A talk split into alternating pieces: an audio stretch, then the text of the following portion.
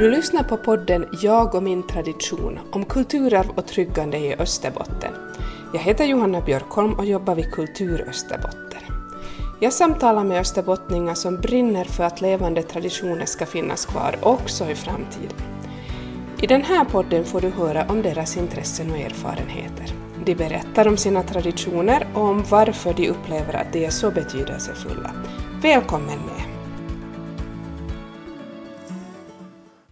Idag är vi i Larsmo och Joel Svenlin från Bosund båt-, fiske och jaktmuseum är här. Hej! Hej! Du får berätta lite nu till att börja med om eh, ert museum och, vad ni jobbar med. Ja, jag heter Joel Svenlin och jag är ordförande för Bosund båt-, fiske och jaktmuseum. Och vi är en museiförening i, i norra Österbotten i, i byn Bosund, eh, byn längst i norr i, i Larsmo kommun. Eh, vi är ett, ett museum som samlar, ställer ut och, och bevarar eh, träbåtar, eh, fiskeredskap, säljaktsutrustning och så vidare. Just sånt här med im, im, kulturarv, maritimt kulturarv från, från förr i tiden. Mm. Så vi har ett ganska stort museiområde. Vi har en utställningshall och flertal sjöbodar och en sherrystuga och ett båthus och, och så vidare. Ja, alltså ni är ju en otroligt aktiv förening och, och framförallt så är ni väldigt duktiga projektjobbare tycker jag, att ni har alltid något nytt på gång. Ja, vi har alltid något projekt på gång. Det här. Och jag, jag har också tänkt att, att de här projekten har kommit som, som naturligt. Mm att när man har fått färdigt ett projekt så har det varit som naturligt att nej men, det här ska vi fortsätta med. Och, och mycket har ju handlat just om, om byggande och förstorande av vårt område och vi har ju fått, alla de här sjöbodarna har, har ju då blivit donerade till museet så, så det, det har ju handlat om att plocka ner dem och plocka upp dem på området. Mm. Ja. Och, och, allt det här gör ni på, på Talko-insats då just att ni har folk som ställer upp och som har den här kunskapen och, mm. och kommer in? Ja, uh, jag skulle säga att det handlar inte om att ha många personer och flertal personer aktiva i en förening utan, utan det, är, det, är, viktigt att man har intresse och att man har de här eldsjälarna som, som brinner för det, för det, det de gör. Så, mm.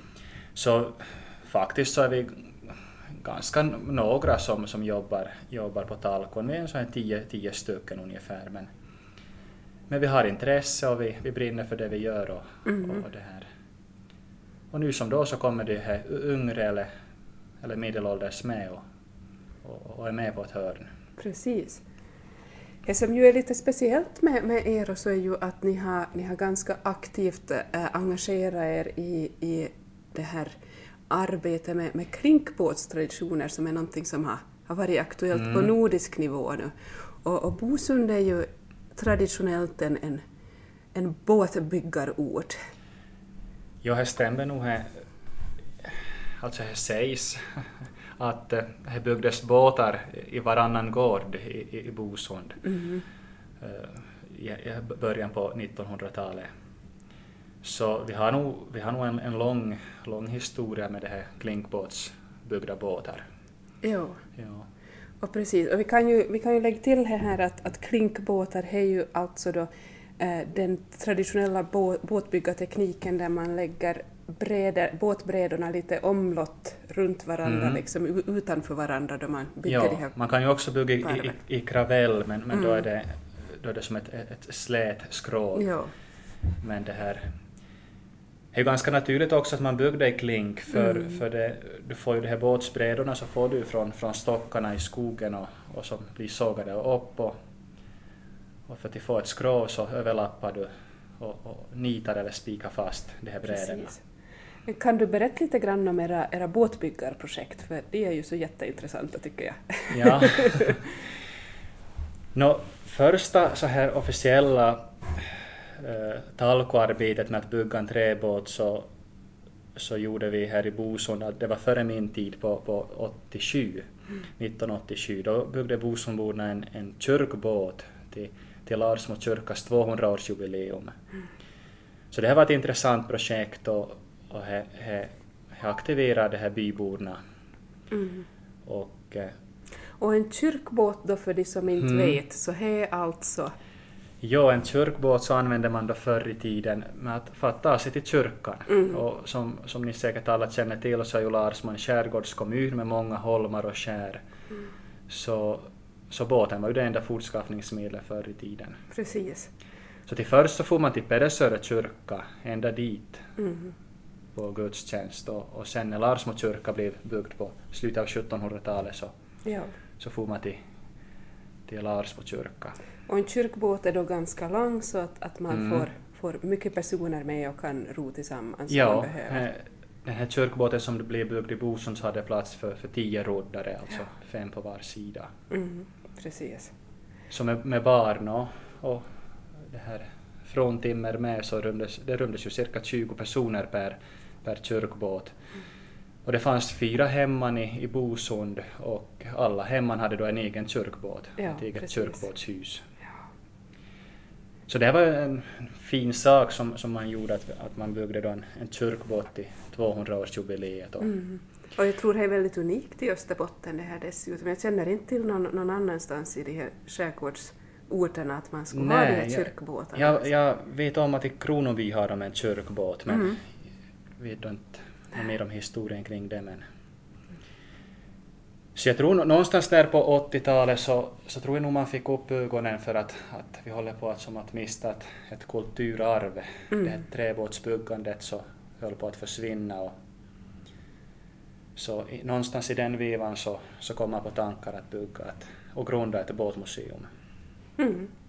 Mm. Vad intressant det här just att, att ni valde som den här inriktningen tycker jag att ni tar, ni tar liksom båtarna och så tar ni fiske och så tar ni jakten för, Ja. för de hör ju ihop. Mm. Och just i den ordningsföljden också. Att, att, att, kan, vi har ju mest båtar, vi har ju 60-tal båtar i, i utställningen. Men Mm. att vi har också det här fisket och jakten. Mm. Precis. Men, men be, berätta lite, hur, hur kom du in i, i det här jobbet på museet? Ja, ska jag ta den långa varianten? Nå, mitt intresse för historia så kom nog tidigt, alltså så länge jag minns så har jag varit intresserad av historia. Och, och jag har också tyckt om att umgås med de äldre män, människorna i Mm. byn och, och höra dem berätta om, om förr i världen som vi, som vi talar om. Och, och det här, jag hade då den förmånen att, att i min grannskap och grannskapskrets så, så fanns det många pensionärer och, och äldre som man kom bra överens med. Så just vid min hemgård så, så där hade vi då eh, grannar som, som var krigsveteran. Han var krigsveteran och, och, det här, jag klippte gräs där på somrarna och fick lite saft och fick pengar efteråt. Och, och det, var, det var roligt att umgås och de berättade om förr i världen och hur de levde. Och, och det här. Jag har som alltid varit fascinerad av, att, av hur man levde förr i tiden. Och just där kring min hemgård och så där i skogsdungen och så vidare så där hittade jag så gamla föremål i skogen. En gammal plog och även några mjölkhinkar och, och jag var som helt fascinerad. Jag var ju som kanske 28 år då. Att, att, alltså vem var de här människorna som bodde på den här backen förr och, Mm. och, och hur, såg deras, hur såg deras liv ut? Så, så det är nog som fascinerar mig och, och det här. Så jag är uppväxt, uppväxt i ett eh, båtbyggarsläkte. Eh, Så, så det här min, min gamle farfar så byggde båtar ända in till, till 90-talet.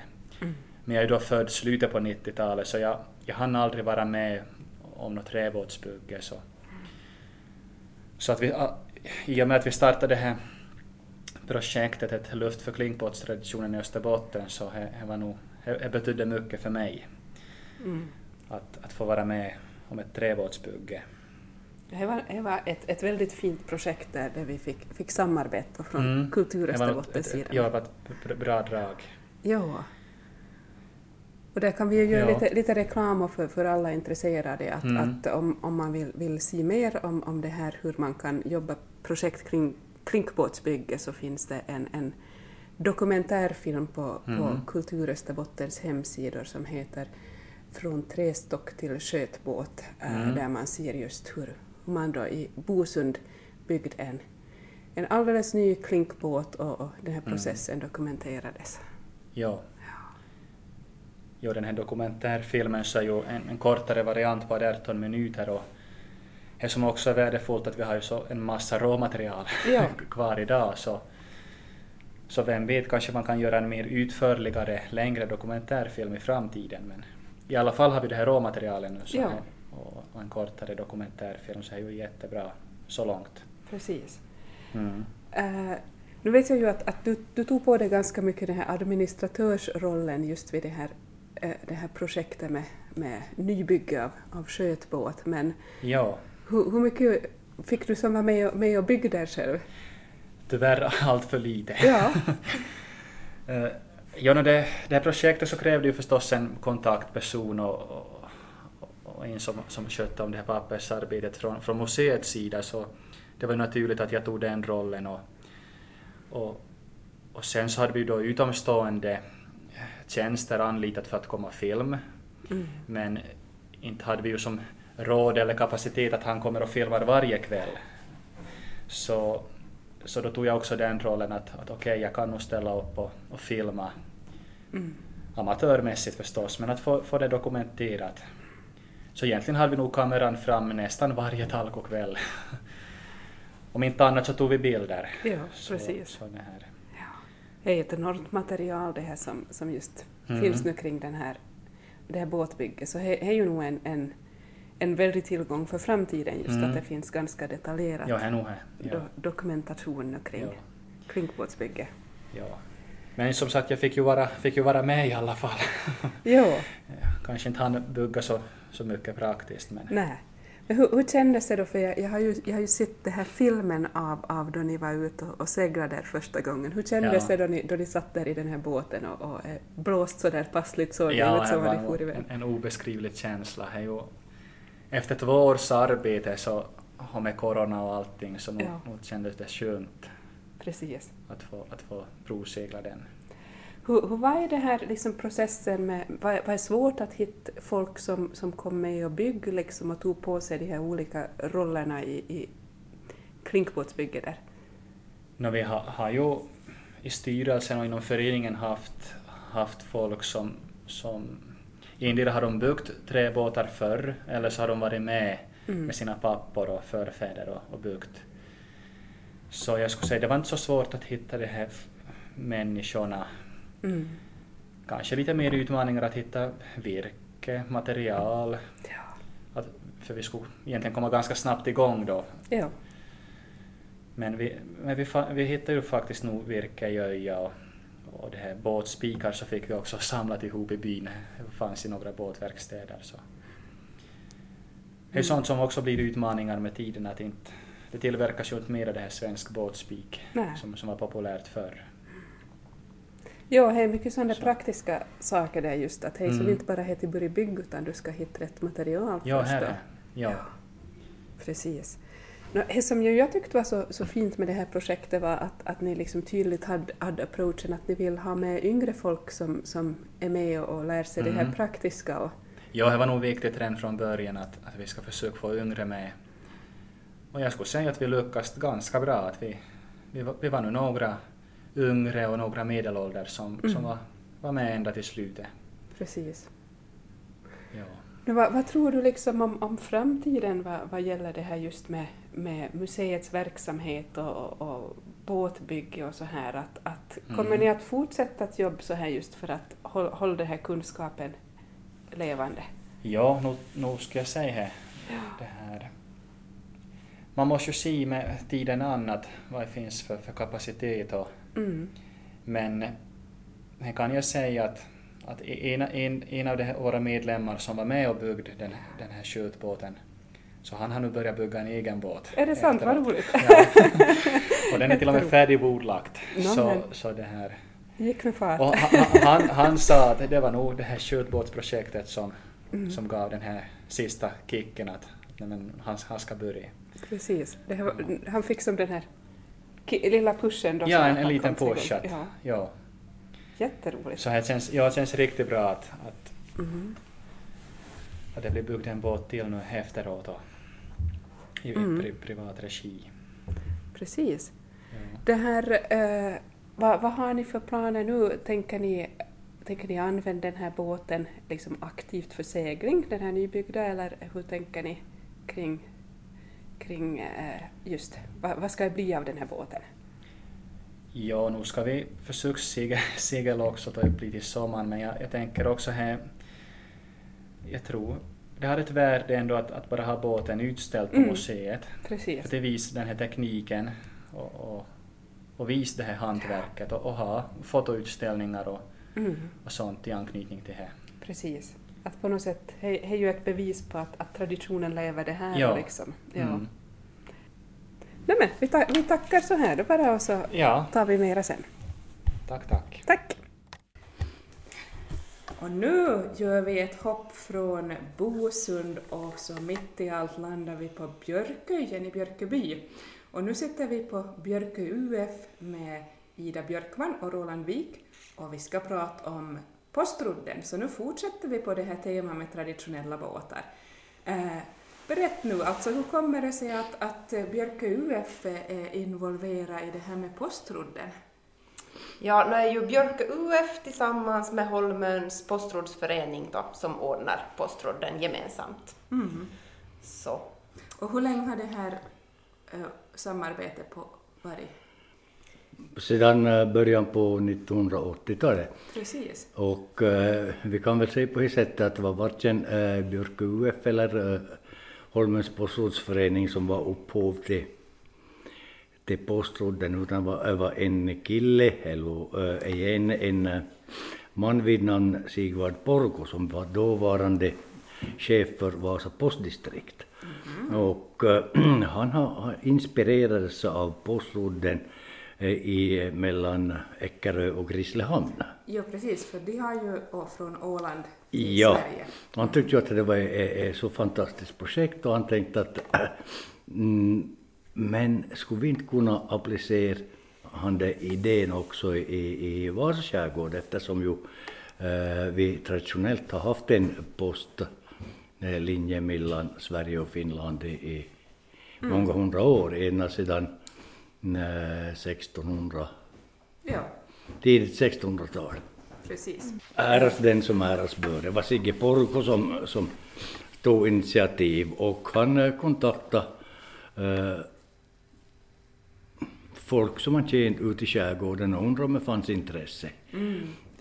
och eh, visade sig att eh, intresset var väldigt svagt.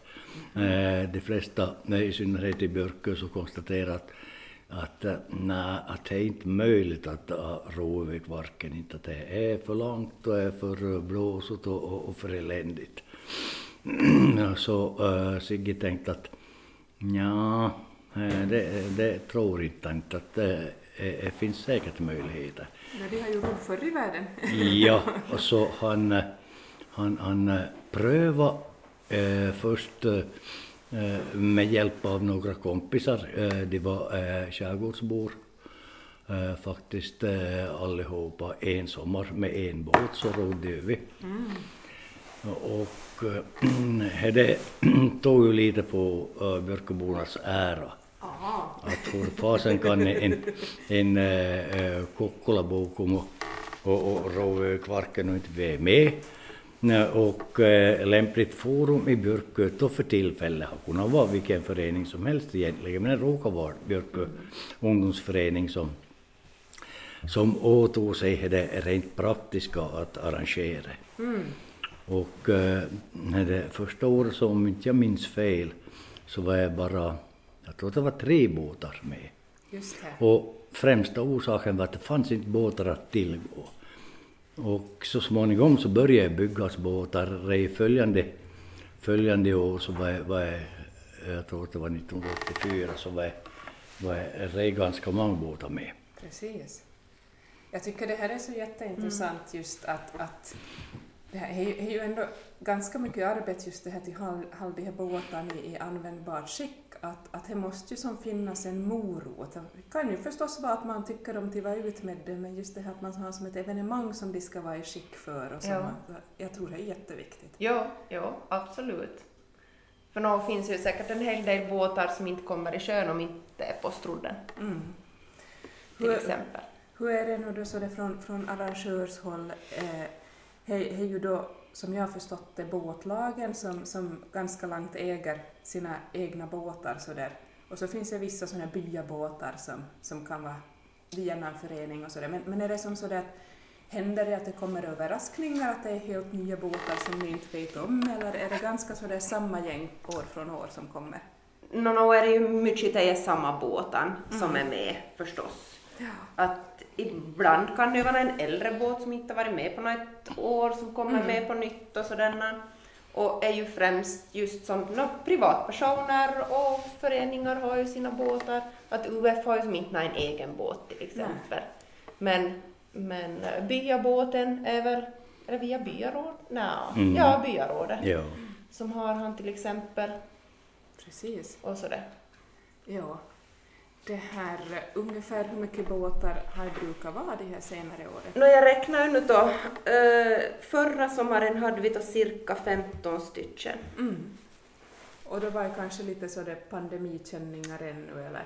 Är- vad Ja, ska nå, vad ska man säga? Alltså, vi hade ju förstås haft paus då ett år eh, på grund av pandemin. Men, men eh, det så länge som jag nog har varit med har vi kanske legat kring en 15-20, alltså inte jättestor mängd Nej. båtar heller jämfört med vad nu har varit förr. Alltså nu var ett rekordår, det var så det jättemycket. Mm, eh, nu eh, kan jag inte exakt Men säga vilket år men det var. period alltså. Men, men som mest var ju över 40 Ja, båtar med. ja. Ja, wow. Och i, i tidernas morgon, alltså då, eh, då intresse ökade, eh, jag skulle säga att det var eh, tidigt 90-tal, mitten på 90-talet så var ju eh, intresset väldigt stort. Och då, då vi började närma oss 20 båtar, eh, så, 40. ja, till Ja, närma oss ja, 20, 20, ja. så konstaterade vi att, att vi måste sätta gränsen vid 20 för att eh, så det rent eh, arrangemangsmässigt så klarar vi inte det. Alltså, Precis. det, dels det gäller säkerhet, sjösäkerhet och äh, inkvartering, mat, äh, bastu. Så konstaterade vi att vi måste gränsen med 20. Och följande år så, så var det kanske 24 eller 25 anmälda. Och hur säger man nej, Nej. till ett båtlag som har kämpat i två år med att bygga en båt och att bygga en en, en eh, 7-8 meters träbåt med tillhörande rigg så är inte en billig historia inte. Mm, eh, så eh, vi konstaterar att eh, vi, vi kan inte säga nej. Nej. Och eh, då var, jag, mm, då var jag igång så att säga, då var det bara mer och mer och mer. Det är att, eh, nu minns jag inte exakt vilket årtal det var som vi var, var, var över 40 båtar, men men det vart ju det vart lite ohållbart. Eh, ju- Postloden fungerar ju på det sättet att och vartannat år så startar vi i Björkö och vartannat år på Holmön i, från By- Byviken. Och Holmön är ju en betydligt mindre by än, än eh, Björkö. Eh, alltså det finns ju bara ungefär en fjärdedels eh, invå, alltså i antal invånare jämfört med Björkö. Eh, Så mm, det vart eh, mer eller mindre ohållbart. Eh, Holmebo började inte klara helt enkelt. precis. Och det är ju en, en ny grej visst, att ni försöker Ja, vara mer alltså nu, med nu vädret. senare år så har vi försökt vara mer flexibel med vädret just för att liksom med just riktningen och att vi försöker göra evenemanget Postrodden med till en Postroddshelg. Ja. Att vi kan ändra den starttiden också och kanske till och med dag om det skulle riktigt krisa. Men bara för att öka chansen så mycket som möjligt för att det ska lyckas. För det är så tråkigt till ställ in. Ja, och hur är det ni säger just att om, om båtlagen har, har satsat mycket Ja. liksom och Ja, varit ute och tränat och hållit båten i skick Ja. och allt det här. Så. ja. Och just som arrangör också till först planera och planera och planera och ställa i ordning och så sedan blåsa av allt så känns det nog surt. Ja. Night år het, tidigare har vi också kört som DG-rodden, alltså att om inte har varit möjligt till ro över till Holmöjen så har vi haft en kortare rodd bara som med start och mål vid Svedjehamn. Precis. Men så här kört vi night en par gånger. Men nu har vi som försöka mer just att Postroddshelg och så, så gott det nog går då far Ja. över. Men berätta lite, alltså, vad, vad innebär det här just att vara, vara arrangör för Postrodden? Alltså vad allt ska göras för, för det startskottet går? Uh, vi börjar ju med planeringen på våren förstås mm. och har kontakt med Svenskan. Och uh, så ska ju förstås anmälningsblanketter skickas ut och anmälningar mottagas och så ska vi, brukar vi ju alltid ordna dans. Mm. Då, till exempel det beror ju på det när dansen blir, alltså eh, om vi, beroende på när vi startar. Mm. Ja, var det dans då på fredag kväll eller var det på lördag kväll? Ja, så man ska ju ha bokat band och så ska vi ju ha överenskommit med, med Salteriet ja. förstås och delägarlaget mm. som äger salteribyggnaden och så ska ju, så brukar vi koka fisksoppa mm. Och det innebär ju en hel del jobb. Vi måste ju ha mycket talkojobbare som ja. hjälper till. Då. Allt från trafikvakter till, till som står inför punkt till kokar soppa. Mm. Eh, Roland brukar vara som en speaker mm. och eh, tal eh, i högtalare. Precis, och så pratar ni om det här med inkvarteringen och Inkvartering, ja, här har vi ju som... Eh, vi har lite minska i på här alltså tidigare så ordnade föreningen mer, alltså hade hand om att ordna boende för dig som ville. Mm. Men, men det har vi lite frångått, just att båtlagen får ordna själv övernattning, men vi kan ge tips. Mm. Och till exempel, vi har ju bra i, i lokalen, vi har sån denna kompissängar eller vad man nu ska kalla dem som vi kan äh, lägga här, så de har en sovplats. Mm. Och äh, på Holmöjen så finns det ju förstås de som känner folk så får ju höra sig för med en bekant och ja. så finns det ju vissa ställen till boka in sig på där också. Mm. Och så ska det ju vara frukost mm. till roddaren. Och eh, ja. så ja. Ja, ja, är ganska mycket, för det är ju mycket människor som är involverade. Och just han denna också att, att eh, vi som arrangör så, så ska ju också ha ut information till alla mm. och hålla kontakten. Och, Precis. och eh, nu har vi, brukar vi göra så att vi har ett möte torsdagen före rodden eh, och eh, kollar igenom väderläget då, och mm. bestämmer mm. han den riktningen Precis. tillsammans med svenskan och så brukar vi ha med lite eh, rotechefer och sådana mm. här... sakkunniga. Jo. Hur, hur är då äh, det här, tror, är det som, är det Björköjens största folkfest det här liksom, en vanlig sommar? Ja, nu ska man väl kunna säga. Mm, ja, nu, nu kan man väl säga idag är på ja. sättet. Ja. Eh, tidigare har vi nog flera olika evenemang inom ramen för ungdomsföreningen men, men idag är väl nog Påsudden som är det enskilt mm, största. Mm, mm. Och som eh, Ida var inne på att Eh, då vi var som mest över 40, 40 båtlag så eh, beroende på storleken på båtarna, alltså är ju besättningar mellan eh, fem och 11-12 personer per båt plus mm. följebåtar plus besättning på följebåten. Så man kan ju det är runda slängar räkna med att för varje båtlag som är med så är det som tio, tio personer som ska ha ja. ha in, mat och inkvartering och, mm. och, och, och, service under två dygn kan man mm. säga. Så att det ställer väldigt stora krav både på logistik och, och på, på arrangemang. Ja. Och av den orsaken så är det inte så lätt det, det äh, flytt herregudstjut uppe. För att det är ju ett stort ekonomiskt risktagande från äh, de föreningarna som är involverade. Ja, förstås. För att eh, om man nu skaffar mat för 400 personer och, ja. och, och, och frukostingredienser och så vidare eh, för, för två dygn så alltså, det är många pengar. Mm, mm. Precis. Jo, men som sagt, Postrodden är ju också på det viset har varit föreningens en väldigt bra inkomstkälla, ja. alltså jag inbringar ju pengar också. Så att det var ju tråkigt istället, eller då inte vi kunde ordna, mm. så påverkar ju föreningen ganska mycket nog. Precis. Det gör det. Det här har ni själv varit med och rodd? Nej, Ja, jag har varit med, och nu ska jag inte säga hur, 13, 14 gånger kanske. Mm. Oj. Uh, någonting i, i, i den stilen. Jag var tyvärr tvungen att sluta på grund av problem med, med ryggen. Men, Mm. men, eh, men jag har faktiskt varit med många gånger. Ja. Men berätta, hur, hur är det det här att, att sitta i båten och veta att nu är det ganska många timmar ändå att man börjar, börjar se något land på andra sidan? Eh, med spänd förväntan kan man säga.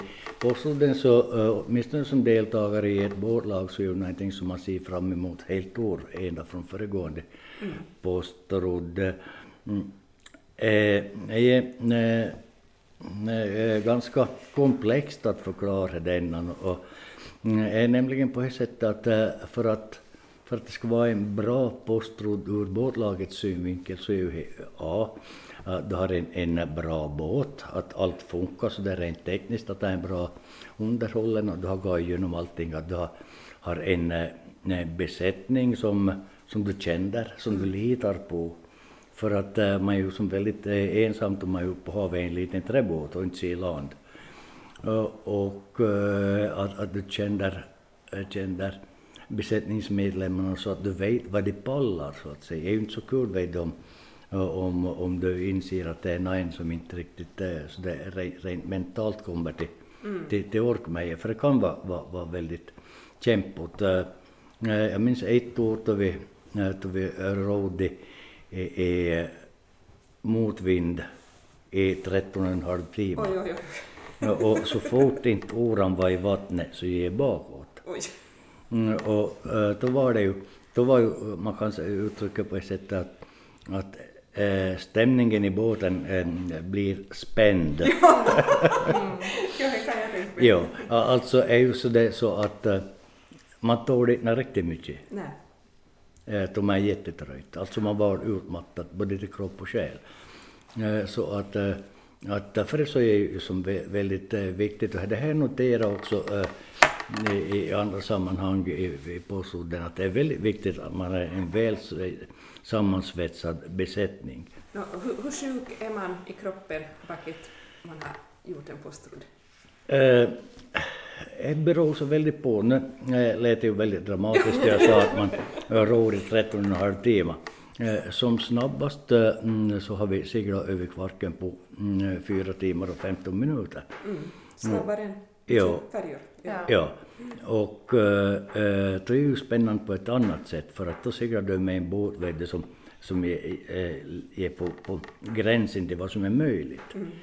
äh, hela tiden. Men idealet är ju att, att äh, resan tar sådär 6-7 timmar. Du seglar i, i 5-6 knop. Mm. Det det är idealet och det vi ser fram emot allihop, alla som är med. Vi väntar alla på äh, den sommaren då vi får segla över kvarten i solen skiner och äh, är, är blåser 5-6 sekundmeter snett äh, bakifrån. Ja. Äh, så att alla resor är inte jättejobbiga utan de flesta resor så är ganska, ganska sköna egentligen. Precis. Och så är det ju just här också att, att båten ska ju boxeras ena vägen också Mm. över Kvarken. Att följa, är ju alltid en följebåt per postrodsbåt. Så i, i, ja, det är ju också en resa. Mm, ja, det är ju en, en resa som många gånger kan Ja. vara, vara minst lika eller ännu mer dramatisk än, än uh, själva rodden Ja. för att, att om det blåser hårt så är det inte så lätt att bogsera en, Nej, en, en träbåt. Risken är att man, man förstör den där träbåten helt Mm. enkelt. Och det uh, har ju hänt ett antal gånger, tyvärr allt för många gånger, att, att eh, folk som inte har haft en riktig rutin har, har bogserat lite för med för hög hastighet och rivit sönder träbåten. Just det. Ja. Men jag måste ju säga att stämningen på postrodden är något speciell. Om man som alltså det är som en speciell stämning över hela alltihopa. Mm. Mm. Fast jag som inte har varit med och råd, men jag har varit med och ordnat väldigt många år. Och, och som sammanhållningen just i båtlagen och just förväntan och, och eh, ja, är nog som en häftig grej faktiskt, Ja, precis. tycker jag. Ja. Jag har tänkt att eh, jag skulle vilja vara med och ro, men jag har varit med och ordnat postrodden sedan jag var typ ja, tonåring ungefär, så att jag tänker att då jag inte behöver vara med och ordna mer, så då ska jag prova Ja, vara med och ro. För att det brukar vara så pass, eller det känns som att det är så pass mycket till, med arrangemangen. Vi Mm. har något som både arrangerar och rår, Mm. det har vi, men, men jag har varit nöjd med att bara göra en del hittills. Det är ju som I- Ida säger att- att äh, det var ju som en äh, gigantisk familj egentligen. Äh, alla dessa postrodder som träffas då Ja. en, en gång per Ja. år och alla har vi gemensamma minnen och, och erfarenheter som vi, vi då gärna delar med oss av och kunskaper naturligtvis och, och om hur man, hur man eh, seglar och, och eh, hur man underhåller båtar.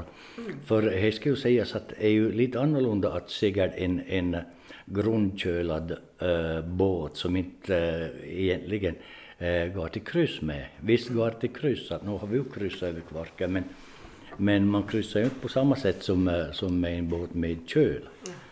Mm, så att, eh, att eh, eh, det kräver en, en annan typ av, av kunskap och erfarenhet om man ska segla, eh, segla en skötbåt i, i med motvind.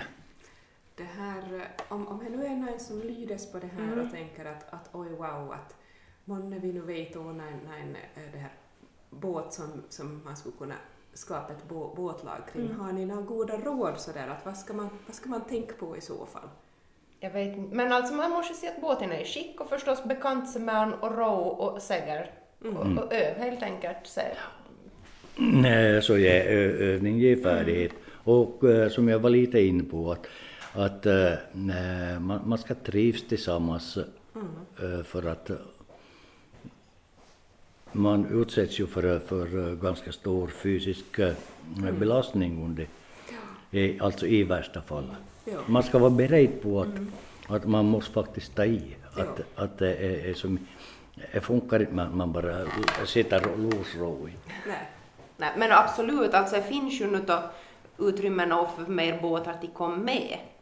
Absolut, för eh, är ju jätteroligt om man kommer med nya människor, för som sagt det är en väldigt rolig tradition och roligt Ja. evenemang här är det. Och just han denna eh, kontakten till Sverige är ju också ganska speciell. Mm. Hej ju inte något långt över. nej. Och eh, jag skulle säga att det är ganska bra är det att man har, eller som, är- var som en, en trevlig sak till upprätthållande kontakten, både liksom föreningarna emellan och de som deltar så umgås ju också. Och lär känna varandra och sådär. Mm. Men från, från ert perspektiv då som arrangörer, att, att eh, kan, kan man på något sätt skilja på det här liksom att, att betydelsen av, av att ha ett sånt här evenemang och just det här att ni är som med och upprätthåller den här traditionen just med, med båten och, och det här kunskapen till, till använd dem och sådär. Eller går det som ihop det här på något vis? Jag upplever nog att det går väldigt mycket Ja, ihop. absolut. Absolut. För, ja, är ju kanske lite som beroende av varandra, tänker Ja. jag. Ja. Det finns ju nu förstås, uh, postrodden är ju en sån här halvmogerrodd eller vad man ska säga, men det har ju kommit mer roddar här i området också. Så det är ju jättebra att båten används, Ja. kanske mer än en gång per sommar sådär. Precis. Förstås, i- de är ute och övar inför också, men att det finns andra liknande evenemang. Det ser jag som en bra sak, verkligen. Precis. Ja, eh, jag håller fullständigt med Ida att, att visst att det är ju eh, i tiden när det bara fanns postrodden så var ju bara en, eh, en enda dag per år som du kunde använda den båten. Men att nu finns det ju eh, både här och där i, i eh, Munsala och i Oravais och, och, och lite eh, här och där. Det är Olika typer av- Smuggelrodden och Ja. Och... Ja, eh, lite olika typer av allmogebåtsevenemang. Eh, plus att det ju fortfarande också finns, eh, finns postrodden mellan eh, Eckerö och Grisslehamn. Vi tror ju att, det, att vi ska fortsätta ännu i, i, i många, många år Ja, framöver. ja, det hoppas vi verkligen på. Och vi ska nog ha en postrodd nu kommande sommar också. Precis. Och hej alltid visst första helgen backet midsommar. Midsommar. Ja. Ja. Så då. Ja, japp, då händer det. Det har varit mycket funderingar från och till om folk som tycker att det ska flyttas hit eller tid och ändras datum för det är alltid dåligt väder och Ja. sånt. Men, men vi håller fast vid han det här igen.